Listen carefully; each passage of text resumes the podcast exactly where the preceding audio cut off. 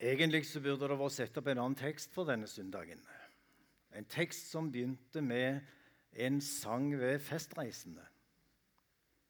Fra Salme 121, f.eks.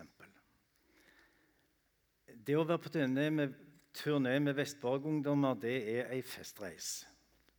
Selv om ikke alltid går etter selv om ikke alltid alt går etter planen, og selv om ikke alltid ferjene går, så det opplevde vi første kvelden.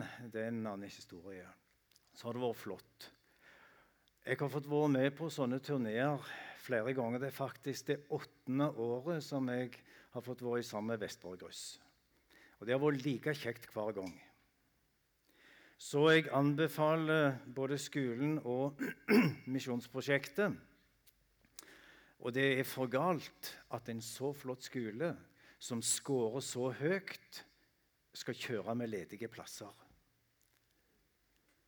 Det er både et forbønnsemne for oss, og det har med rekruttering å gjøre. Oppmuntre folk til å sende ungdommene til Vestborg.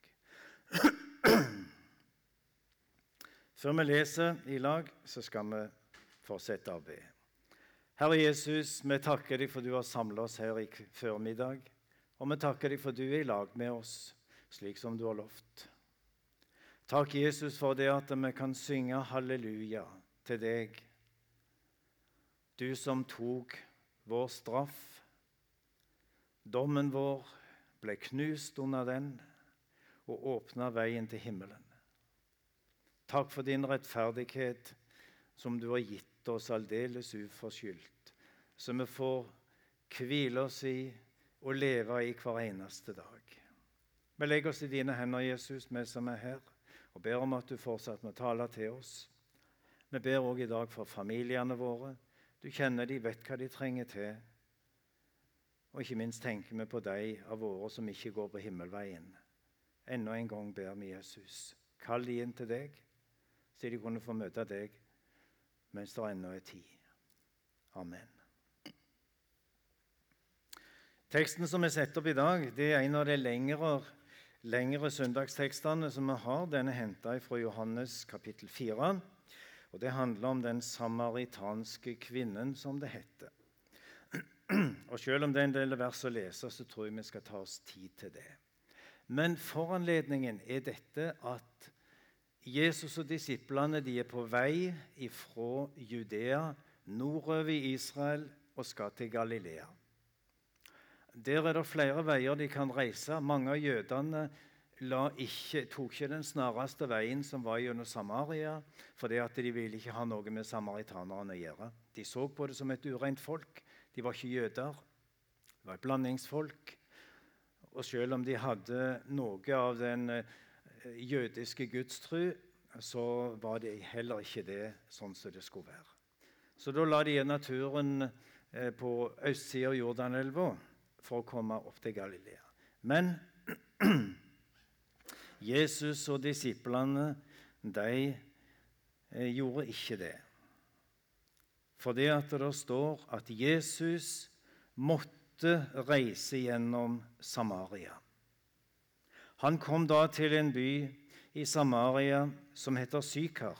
Den ligger i nærheten av det jordstykket Jakob ga sin sønn Josef. Der var Jakobs brønn. Jesus var trøtt etter vandringen og satt nå der ved brønnen. Det var omkring den sjette time. Da kommer en kvinne fra Samaria for å dra opp vann. Jesus sier til henne, 'Gi meg å drikke.' Disiplene hans var gått inn i byen for å kjøpe mat. Den samaritanske kvinnen sier til ham, 'Hvordan kan du som er jøde, be meg, en samaritansk kvinne, om å få drikke?' Jøder har nemlig ikke omgang med samaritanere. Jesus svarte og sa til henne, 'Kjente du Guds gave?' Og visste du hvem det er som sier til deg, 'Gi meg å drikke', så hadde du bedt ham, og han ville gi deg levende vann. Kvinnen sier til Jesus, 'Herre, du har ikke noe å dra opp vann med, og brønnen er dyp. Hvor har du da det levende vannet fra?' Du er da vel ikke større enn vår far Jakob, som ga oss brønnen og selv drakk av den, og likeså hans sønner og buskapen hans? Jesus svarte og sa til henne, Hver den som drikker av dette vannet, blir tørst igjen. Men den som drikker av det vannet jeg vil gi ham, skal aldri i evighet tørste, men det vannet jeg vil gi ham, blir i ham som en kilde med vann som veller fram til evig liv. Kvinnen sier til ham, 'Herre, gi meg dette vannet, så jeg kan slippe å tørste og gå hit for å dra opp vann.' Han sier til henne, 'Gå og rop på mannen din, og kom så hit.' Kvinnen svarte og sa, 'Jeg har ingen mann.' Jesus sa til henne, 'Med rette sa du, 'Jeg har ingen mann', for du har hatt fem menn, og den du nå har, er ikke din mann.' Der talte du sant. Kvinnen sier til ham, 'Herre, jeg ser at du er profet, at du er en profet.' Våre fedre tilba på dette fjellet, og dere sier at Jerusalem er stedet hvor en, ber, en bør tilbe. Jesus sier til henne, 'Tro meg, kvinne.' Den time kommer da dere verken skal tilbe Faderen på dette fjell eller i Jerusalem. Dere tilber det dere ikke kjenner. Vi tilber det vi kjenner, for frelsen kommer fra jødene. Men den time kommer, og er nå, da de sanne tilbedere skal tilbe Faderen i ånd og sannhet, for det er slike tilbedere Faderen vil ha. Gud er ånd, og de som tilber ham, må tilbe i ånd og sannhet. Kvinnen sier til ham, 'Jeg vet at Messias kommer.' Han som kalles Kristus. Når han kommer, skal han forkynne oss alt. Jesus sier til henne, 'Jeg er det, jeg som taler med deg'. I Samaria, omtrent midt på dagen, da var det varmt. De hadde sikkert starta vandringen tidlig kanskje med soloppgang. Og Her er en av de plassene der vi ser Jesu menneskelige side. Han er trøtt. Han er varm, han er svett, og han er tyst. Disiplene har gått inn til landsbyen for å få tak i noe mat. De hadde ikke matpakke med seg på turen, tydeligvis. Så sitter Jesus der, og så kommer denne kvinna. Og så får vi en av de flotte samtalene som vi kan lese om f.eks. i Johannes evangeliet. Jesus ber henne om vann. Han hadde ikke noe å dra opp med. Det hadde hun, og den brønnen den var ganske djup.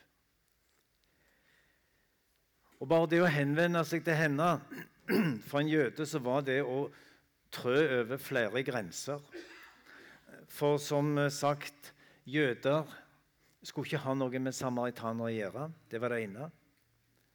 Hun var en kvinne, og det sømte seg slett ikke for en jødisk mann å snakke med ei kvinne, spesielt når hun var samaritan. Og For det tredje så var dette ei kvinne som levde et dårlig liv. Hun hadde ikke noe plettfritt rulleblad. Men denne dagen så kommer hun til brønnen til kilden for å hente vann, en livsnødvendighet. Det var ikke vanlig å gå og hente vann midt på dagen, men hun gjorde kanskje det fordi at uh, hun ikke hadde lyst til å treffe så mange av de andre kvinnene som henta vann tidligere på dagen. De visste hvordan hun levde, og hun fikk sikkert masse kommentarer på det. Og Der ved brønnen så møter Jesus. Det møtet, den dagen, forandra alt. Det starta som en vanlig dag, men det ble noe helt annet. Hun hadde ikke tenkt at hun skulle møte noen profet, langt mindre Jesus, Guds sønn. Hun lette ikke etter Jesus, men Jesus lette etter henne og fant henne. For han så eller la meg si det sånn Den himmelske kommandosentralen kjente godt til denne kvinna sitt liv og den trangen som hun måtte ha til å få svar på de viktigste spørsmål i livet. Det første vi leste, var at Jesus måtte reise gjennom Samaria. Og Det var fordi at der framme, langs veien, der ville han treffe denne kvinna som hadde behov for hjelp, og som han da fikk hjelpe. Og I samtalen med Jesus så, så begynner sannheten å demre for denne dama. For det første så legger hun merke til det går opp for henne Jesus han har noe som jeg ikke har. Noe som jeg burde ha. Da danner seg en trong inni henne til å få del i det som mesteren har å dele ut. Og han sier sjøl i eh, kapittel 6 og vers 35 så står det så fint Jeg er livets brød. Den som kommer til meg, skal ikke hungre. Og den som tror på meg, skal aldri noen gang tørste. En trang etter å få del i dette var begynt å, å, å melde seg hos denne kvinna. Og Når de har snakket om det litt, så sier Jesus, 'Hent mannen din'. Hent mannen din. Oi sann, den traff. I Hebreerbrevet står det at det er ingenting som er skjult for Han som vet alt, som ser alt, og som kjenner oss helt til bunns. Alt ligger åpent og bart. Så òg livet til denne kvinna. Hun ble avslørt. Hun ble bokstavelig talt tatt på fersk gjerning. Det er ingen god følelse, det. Det står noen eh, eksempler i Skriften om det. Vi leser i apostelgjerningene kapittel 5 om Ananias og Safira, som stakk til sides penger. Og de lei en uh, ikke hyggelig straff for det. De mista livet begge to. For det var en som så alt, som visste alt. Som visste om den unndragelsen. Og det er han som kjenner deg og meg helt til bunns, bedre enn vi oss sjøl. For en del år siden var det et arbeidermøte i misjonær- og medarbeiderflokken i Peru. De var samla på bibelskolen i Holiaca. Og der var snakk om arbeid, strategi, eh, nye plasser en kunne begynne. Det var oppbyggelige møter, det var fellesskap rundt måltider, det var volleyball i pausene osv. Så sånn som det pleier å være. Og folk hadde det trivelig og godt i lag. Der var det misjonærer, evangelister, pastorer, eh, kontormedarbeidere og andre som eh, jobba i, i kirke og misjon. En kveld står en av evangelistene på talerstolen. Han skal preke Guds ord. Og Så slår han opp i Det gamle testamentet, i 2. Samuels bok, og så leser han om kong David. Han var da på plass i Jerusalem. Han hadde sendt hæren sin ut i krigen, og sjøl var han hjemme. Og så får han en kveld øye på Batseba. Og Så kjenner vi litt til den historien. Han fikk lyst på henne, tok henne til seg. Og det som skjedde, det var ting som hører ekteskapet til. Og der var ikke David eller Batseba. Og Evangelisten han skildrer dette her, levende og godt. Så De som så nede i salen og lytta, de følte omtrent at de så på Jerusalems mur og var tilskuere til det som skjedde. Og Så fortsatte han videre til neste trinn i fortellingen, da Gud sendte profeten Natan til kongen. Og Så forteller Natan om en fattig mann som hadde bare én sau, et lam som han var så glad i. Naboen tett ved Det var en rik mann som hadde en stor flokk med sauer og, og, og annen buskap. Så fikk den rike besøk. Og for å stelle i stand mat til gjesten sin, så tok han ikke av sine egne dyr, men det eneste lammet den fattige naboen hadde. Da kong David hørte det, så ble han sint. Og han felte en dom over den mannen. Den mannen må dø, sa han. Den mannen må dø. Han har begått en stor urett imot sin fattige nabo. Og så er det profeten Natan sier til kongen, egentlig med fare for sitt eget liv Du er mannen, kong David. Du er mannen.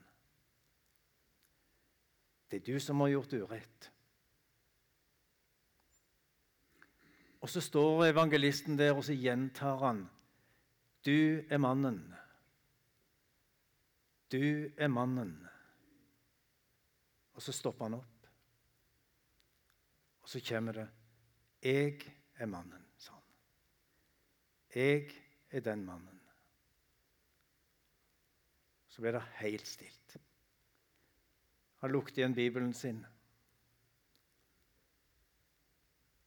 Og så kom det etter litt Han fortalte at uh, den evangelisttjenesten som han hadde i uh, et visst område på feltet vårt, der jobba han i sammen med misjonær. Det var de to som sto i bresjen for arbeidet. Betjente flere preikeplasser og menigheter. Bodde der med familien min sånn Kona og fem unger. Og så hadde vi ei hushjelp, ei dame lokalt som hjalp oss i huset. Kona mi og ungene reiste vekk for å besøke noen familie. Og så skjedde det noe mellom hushjelpa og meg som bare hører ekteskapet til, sa han. Jeg er mannen.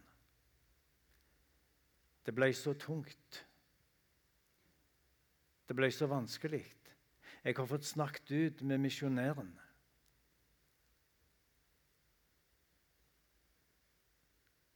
Og Så så han på medarbeiderflokken, og så sier han Hva er de synger, Manos? Hva sier dere, søstre og brødre? Kan dere tilgi meg? Dam stilt. Ingen rørte seg. Hva skjer nå? Han Møtelederen som så på første benk, han visste slett ikke hva han skulle gjøre. Men så er det en av misjonærene som reiser seg, og så går han fram til broderen. Og så sier han det Nå når du har bekjent de synd for Gud og mennesker Han la hånda på hodet hans så tilsier jeg deg syndenes forlatelse i Jesu navn. Du er tilgitt. Og så ga de hverandre en skikkelig bamseklem der oppe. Og så var det ikke mer enn sånn. Så kom alle sammen. Sto på rekka, sto i kø for å omfavne broderen. Og tårene rant. Det var ikke sånn han hadde tenkt det, denne evangelisten. Det var ikke det som var planlagt å si. Det sto ikke på manuskriptet hans. Men det som skjedde, var at uh, Guds ord talte. Den hellige ånds lyskaster lyste så sterkt inn i hans hjerte og samvittighet. Han kom ikke unna. Han ble møtt av Gud sjøl møtte veggen bokstavelig talt. Og så skjedde det som skjedde. Han møtte mesteren på samme måte som denne kvinna ved brønnen møtte Jesus. En mann fra et land i Afrika han hadde kjøpt en bibel. Og um, Han ville lære den kristne Gud å kjenne, som han sa. Og Etter en tid var det en representant for Bibelselskapet som spurte han, hvordan går det med bibellesningen din. Og Så svarte denne karen jeg liker ikke denne boka her, sa han. Jeg liker ikke denne boka, fordi at når jeg leser i denne boka, så leser den meg.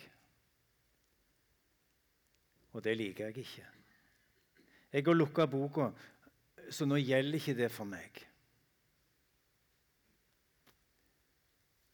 Han hadde òg møtt Herren i ordet, men i motsetning til kong David, som omvendte seg, og i motsetning til evangelisten i Peru, som bekjente sin synd, fikk oppreisning og kunne fortsette seinere, så ville ikke denne mannen det. Han ble dømt av ordet. Han hadde forstått det at det som Bibelen kaller for synd, det er synd, det er galt, det er galt. Ikke alltid like galt i menneskers øyne, men i Guds øyne så er det ganske klart hva som er galt. Det er ydmykende å bli avslørt, men du verden så godt det er etterpå. Ikke sant? Du verden så godt det er å få gjort opp, bekjent og bli tilgitt. Kong David erfarte, evangelisten i Peru erfarte, at for Sønnen frigjort deg, så blir du virkelig fri virkelig fri. En frihet som ingen andre kan gi. Det handler om å slippe Guds ord til. Det handler om å slippe Jesus til inn i våre liv. Og Der kan det være nok å ta fatt i. I dette tilfellet med kvinner så var det samboerskap. Det ene hadde avlyst, avløst det andre. Og hvis vi tenker litt på oss sjøl uærlighet, løgn, baktalelse, ufine kommentarer om andre, uoppgjorte konflikter En kan til og med kjenne på sterk eh, misnøye og vonde tanker om noen andre i forsamlingen. Det var en kirkeverge som fortalte meg da det kom til en mann inn på kontoret hans der han arbeidet, og han var slett ikke på god fot med naboen sin. Så han ga klar beskjed til kirkevergen når jeg dør, så skal jeg i alle fall ikke begraves på sida av han, sa han. Da er det noe som ikke er godt. Det er ikke godt å leve med. Og det må vi få hjelp av Jesus til å bearbeide. Husk det som står, at Jesu, hans sønns blod, renser fra all synd. Han som setter oss fri ifra slike situasjoner, slike tanker. Han tilgir. Om synden er stor, så er Guds nåde enda større. Uansett. Og så er det så flott å lese. Jesus han stopper ikke med avsløring, som hun følte som en anklage, som en dom. Nei, han har tilgivelse og fred for den som bekjenner sine synder. Og jeg skal bare ta med et par vers fra profeten Zakaria. Der leser vi om ypperstepresten Josva, som sto fra Herrens åsyn. Og der sto Satan for å anklage ham. Punkt 1. Satan blir vist på dør. Han har ingenting der å gjøre. Punkt 2. Herren sier til de som står omkring, eh, de tjenende englene For Josva han er kledd i skitne klær. Han er en synder. Både seg sjøl og folket han representerer som ypperste prest. Og så sier Herren sjøl til de som står omkring han, ta de skitne klærne av han. Og så endelig taler han til Josva sjøl, og så sier han, se, jeg tar din misgjerning bort fra deg og kler deg i høytidsklær. Halleluja, halleluja. All min synd tok min frelser på seg. Kristi rettferd er tilrekna meg. Er du der? Har du kommet inn for Herrens åsyn som kong David eller som denne kvinna ved brønnen? Følt deg avslørt og dømt av Guds ord, av Jesus sjøl? Les om ypperstepresten Josva. Han var ingen fullkommen mann, men han kom fram for Herren slik som han var, og opplevde syndenes forlatelse og ble ikledd en ny drakt, rettferdighetens drakt. Så skal vi ikke lese videre, men les gjerne det sjøl. Disiplene kommer igjen med mat. Og så står det det at kvinner hun lar krukka stå igjen. Da var ikke det å hente vann til husholdningen sin så veldig viktig lenger. Men hun skynder seg inn i byen, og så roper hun nærmest ut til folket der Kom og se en mann som har sagt meg alt jeg har gjort. Han skulle ikke være Messias.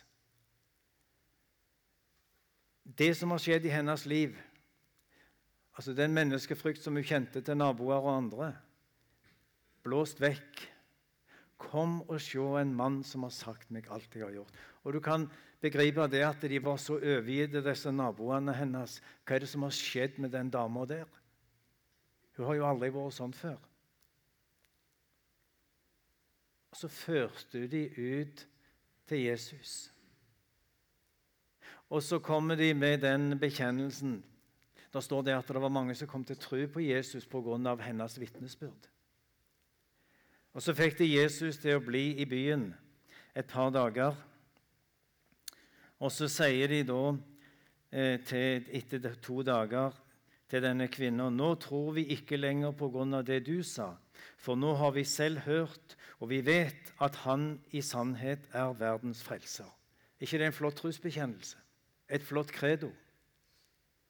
Først og fulgte med ditt vitnesbyrd, men nå har vi sjøl hørt og sett og erfart og erkjent han er verdens frelser. Det er mange, både kvinner og menn, som har fått et møte med Jesus. Hvor mange er det som har lest den boka? 'Modige kvinner'. Høyt opp med ei hånd. Ja, det er stort potensial fremdeles, ser jeg. Den boka kom for et par år siden. Og Da var det en anmelder som sa hvis du bare skal lese én bok dette året, så må du lese denne. Hvordan Jesus oppsøker kvinner i den muslimske verden De blir omvendt, og de blir vitner for han på en flott måte. Midtøstens nye helter, hemmelige agenter for Jesus i den muslimske verden. Les den. Modige kvinner. Det skjer i dag òg, ser du. Det var ikke bare da for 2000 år siden.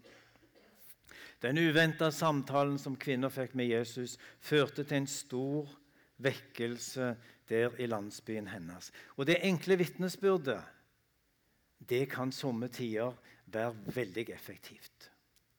Jeg leste om en ungdom som for mange år siden reiste til sjøs. Han var tenåring.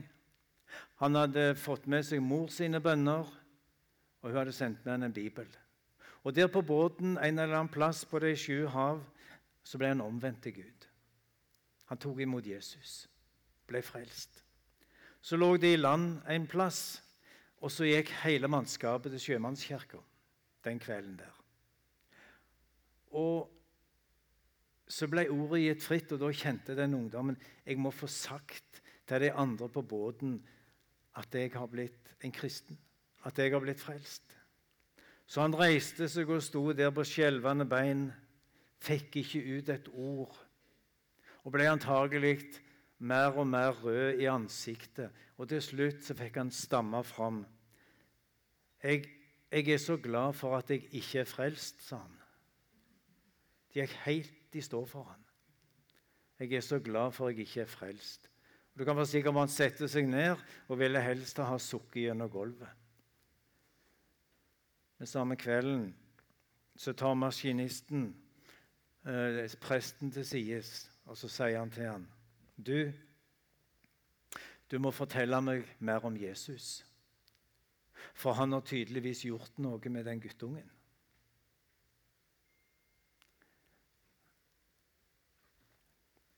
et enkelt vitnesbyrd, langt fra fullkomment.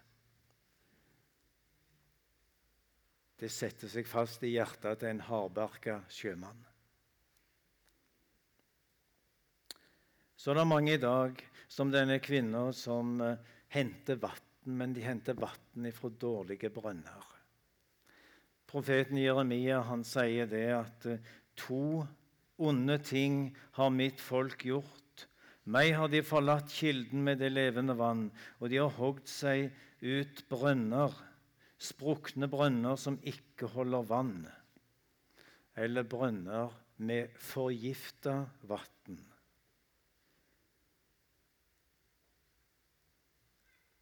budskapet fra ulikt hold, materialisme, budskap om frihet. Du skal være din egen herre, du skal gjøre som du sjøl vil. Det finnes ikke absolutte sannheter. Det er ingen som har rett til å bestemme over ditt liv. Gjør som du vil. Det kalles frihet.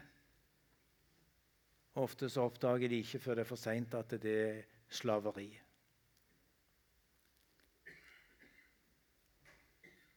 toleranse, likestilling, humanisme. Og vi kunne lagd en liste lang. Skal ikke gjøre det. Det er giftig vann. Det er dødelig gift som ikke gir liv.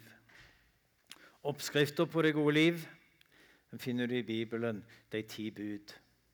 De ti bud er ikke noe tvangstrøye som Gud har tredd ned over hodet på oss. Nei, det er rammeverk som eh, angir Lever du inn forbi dette, så har du det gode liv. For mange mange år siden så var jeg på en gudstjeneste oppe på Helgeland. Presten preikte over denne teksten. Jeg husker ingenting av det han sa, men jeg husker disposisjonen hans. Det var tre ord. Det var vann, mann og sand. Vann nødvendig for å leve. Mann.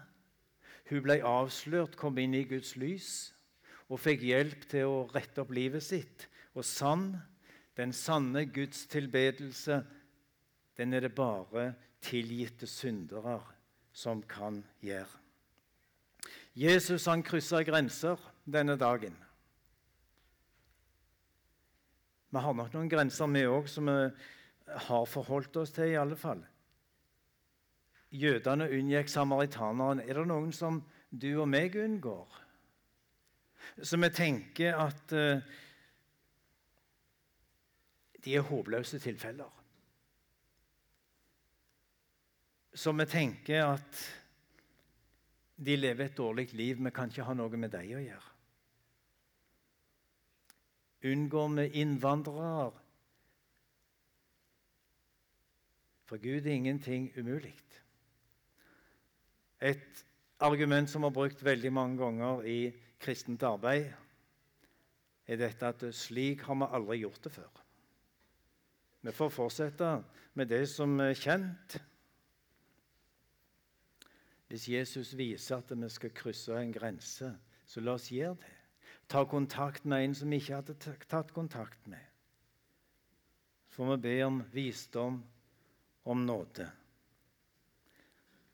Og så skal vi også lære av Jesus at han talte klart. Gå og hent mannen din. Han unnskyldte det ikke. Det var ikke sånn ja, ja, de gjør jo sånn de fleste i dag, så vi kan ikke bruke så sterke ord om det. Guds ord taler klart. Og Det som var synd for 2000 år siden, er det fremdeles i dag. Men den nåden som Jesus etablerte på Golgata for 2000 år siden, den er òg der i dag. Så skal vi få holde fram Guds ord. Så sier Herren, og tale det som det står, lov og evangelium, med ydmykhet på egne vegne, frimodighet på Guds ord og Herren sine vegne. To gode ord til slutt om det levende vannet fra Johannes' åpenbaring, de to siste kapitlene der. Og det er Jesus som taler til Johannes. Det er skjedd Jeg er alfa og omega, begynnelsen og enden. Jeg vil gi den tørste å drikke av livets vannkilde for intet. Og ånden og bruden sier, 'Kom'. Og den som hører det, la ham si, 'Kom'. Og den som tørster, han får komme. Og den som vil, han får livets vann for intet. Herre Jesus, vi takker deg for du har gitt oss livets vann. Det som slukker tørsten, det som styrker oss, og det som viser oss veien gjennom livet og inn i himmelen. Takk for du har lov til å være med oss hver dag. Takk for du ber for oss hver eneste dag ved Faderens høyre hånd. Og så steller du i stand en plass for oss. Når vår tid på jord er slutt, vil du komme og hente oss. Inntil den dag, hold oss fast hos deg. La oss få leve i lyset, og la oss få være til hjelp og velsignelse for våre medmennesker. Ikke minst med det å peke på deg. Amen.